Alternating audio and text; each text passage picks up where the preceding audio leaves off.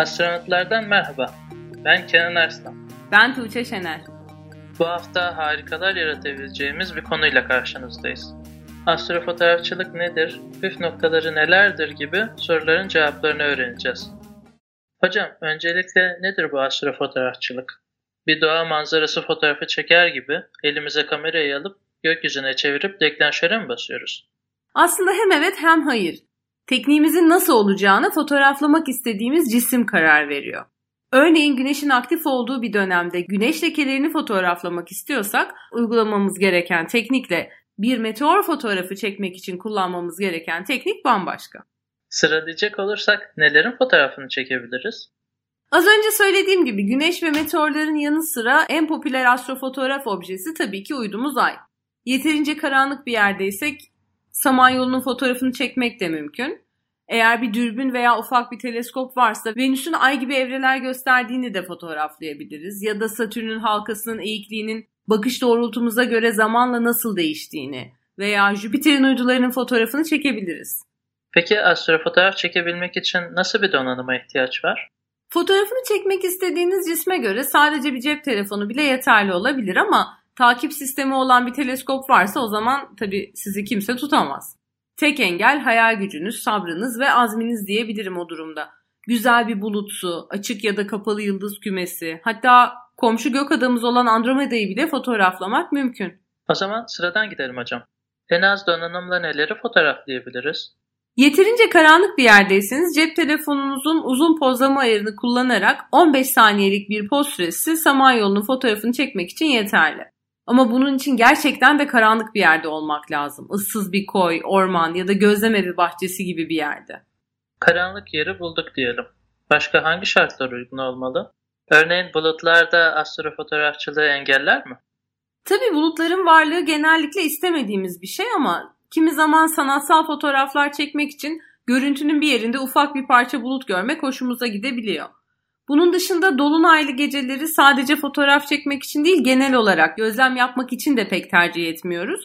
Çünkü çok fazla ışık kirliliğine neden oluyor ve çoğu sönük cismi göremiyoruz. Çıplak gözle baktığımızda en kolay gördüğümüz gök cismi ay. Dolayısıyla ayın fotoğrafını çekmek kolay diyebilir miyiz? Çıplak gözle en kolay gördüğümüz gök cismi ay olsa da cep telefonuyla hiçbir yardımcı alet kullanmadan ayın fotoğrafını çekebilmek biraz zor. İmkansız demiyorum ama zor. Ayın üzerindeki kraterleri, tepe ve okyanusların gölgelerini güzelce görebilmek için ayın hilal veya ilk dördün evresinde olmasını tercih etmekte fayda var.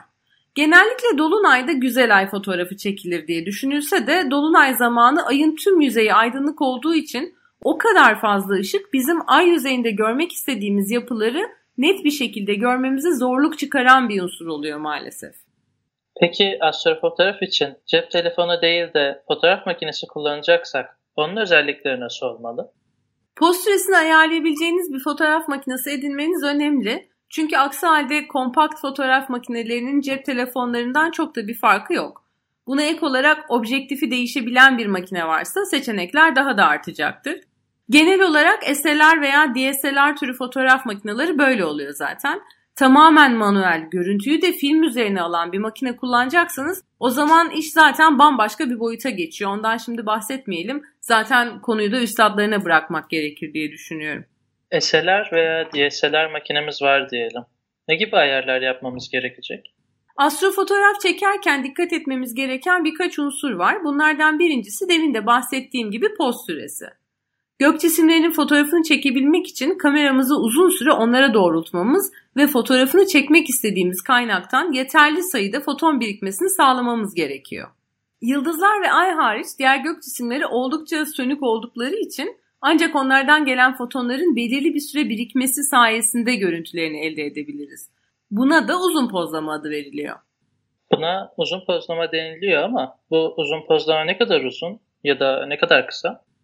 Birkaç saniye mertebesinden başlıyor. En az 10 saniye, en fazla 20 saniye post süresi verirsek dünyanın dönüş hızından etkilenmeden yıldızları çizgi değil nokta olarak görüntüleyebilir. Aynı zamanda yıldızları da görüntülerini elde edebilecek, fotoğraflarını çekebilecek kadar foton toplamış oluruz.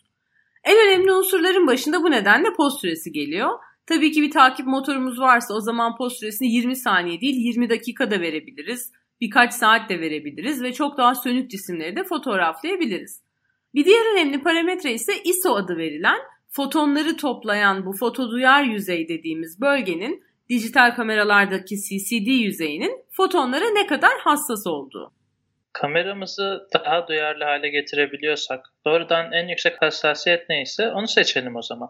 Böyle düşünülebilir ama hassasiyeti arttırdıkça görüntüdeki kumlanma yani gürültü oranı da artacağı için bu her zaman en iyi sonucu vermez. Ay gibi parlak bir cismin fotoğrafını çekerken düşük ISO kullanmak makul olabilir ama sönük bir kuyruklu yıldızı çekerken daha yüksek ISO değerini tercih ederiz.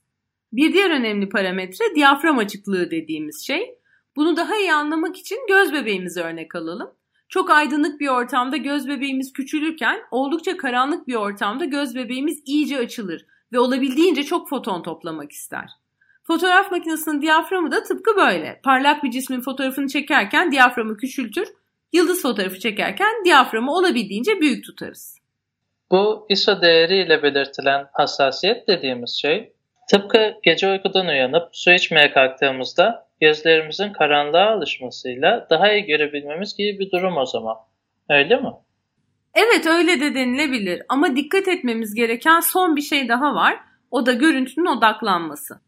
Genellikle yıldızların sonsuz uzaklıkta olduğunu varsaydığımız için odağı sonsuza ayarlamak teoride yeterli. Ama pratikte kameranın sonsuzdaki odağı gerçekten de ihtiyacımız olan netliği vermeyebiliyor.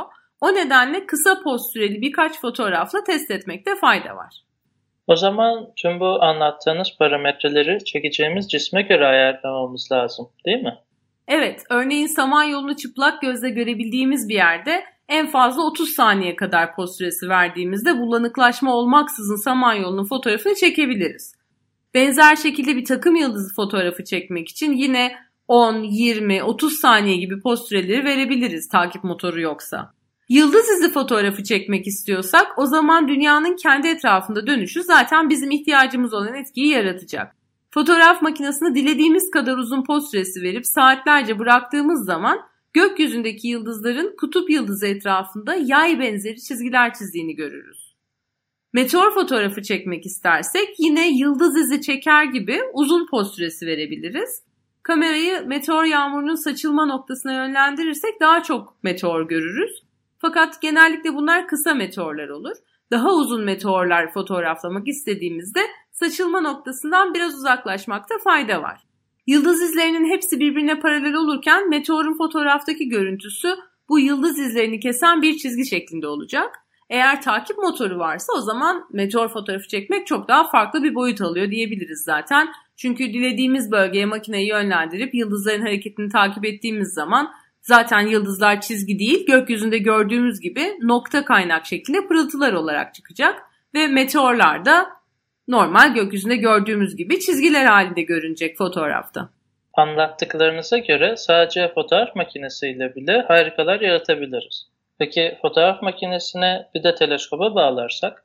İşte o zaman tadından yenmez. Çünkü teleskoba bağladığımız zaman hem derin uzay cisimlerini görebiliyoruz hem de teleskobun takip sistemi sayesinde fotoğraf makinemiz gök cisminin hareketini takip edeceği için dilediğimiz kadar uzun posterisi verebiliriz. Takip sisteminden çokça söz ettik. Bu sistemin ne olduğunu açıklayabilir misiniz? Artık modern bilim sayesinde biliyoruz ki gökyüzündeki cisimlerin hareketi bizim etrafımızda dolandıkları için değil, dünyanın kendi etrafında dönmesinden kaynaklanıyor. Dünya sürekli kendi etrafında döndüğü için güneş gibi yıldızlar da doğuyor ve batıyor. Takip sistemi dediğimiz şey aslında dünyanın dönüş hızına eş ama ters yönde hareket eden bir sistem. Eğer fotoğraf makinesini bu şekilde hareket eden bir motor üzerine yerleştirirsek o zaman yıldızların hareketini elimine etmiş oluruz ve ne kadar uzun poz süresi verirsek verelim yıldızları nokta kaynak olarak görüntülemeyi başarabiliriz. Astrofotoğrafçılıktan bu kadar bahsettikten sonra hepimizin canı bir fotoğraf çekmek istemiştir eminim. Ancak dünyanın dönüş hareketinden dolayı her cismi her zaman görüntüleyemiyoruz. Yakın zamanda neleri fotoğraflayabiliriz? Bugünlerde astronomi meraklılarının odağında Neowise kuyruklu yıldızı var. Kuyruğu 6-7 derece civarında ve çıplak gözle de görülebiliyor. Gerçekten de çıplak gözle kuyruklu yıldız görebilmek çok büyüleyici bir şey bence. Hele ki cep telefonu gibi basit ve herkesin elinin altında olan bir şeyle bunun fotoğrafını çekebilmek bambaşka. Bu Neowise kuyruklu yıldızını ne zaman görebiliyoruz? 16 Temmuz'a kadar sabah güneş doğmadan önceki 1-1,5-2 saat içinde doğu ufkunda görülüyor. 16 Temmuz'dan sonra güneş battıktan hemen sonra görülebilir olacak. Tabi batı ufkunda. Bunun haricinde tabii ki ay her zaman menümüzde var. Astrofotoğraf çekmeye yeni başlayanlar için ben genellikle takım yıldızları fotoğraflamayı öneriyorum. Bir takım yıldızı olduğu gibi tek bir karede görüntülemeye çalışmak pratik kazanma açısından çok faydalı oluyor. Malum yaz takım yıldızları arasında Ku, Kartal ve Lir olarak da bilinen çalgı takım yıldızları var. Bunlardan bir asterizm olarak yaz üçgeni oluşuyor. Astrofotoğrafçılığa başlayanların bu yaz aylarında pratik olarak kullanabileceği en basit, en genel cisimler bunlar diyebiliriz. Verdiğiniz bilgiler için çok teşekkür ederim hocam. Astrofotoğrafçılık ile ilgili yayınımızın sonuna geldik. Yayınımızın yazılı haline ve ek içeriklere erişmek isterseniz astronotlar.space adlı internet sitemize göz atabilirsiniz. Ayrıca astronotlar.space.gmail.com e-posta adresimize konuştuğumuz içeriklere dair düşüncelerinizi belirtebilir, değinmemizi istediğiniz konuları yazabilir, bir kitap, link veya bilgi paylaşımında bulunabilirsiniz. Sosyal medya hesaplarımızı Instagram ve Twitter'dan astro alt çizgi notlar olarak takibe almayı unutmayın. Facebook'tan vazgeçmem diyenler ise bizi astronotlar sayfasında bulabilirler. Gelecek hafta görüşünceye dek gökyüzüne iyi bakın. Hoşçakalın. Hoşçakalın.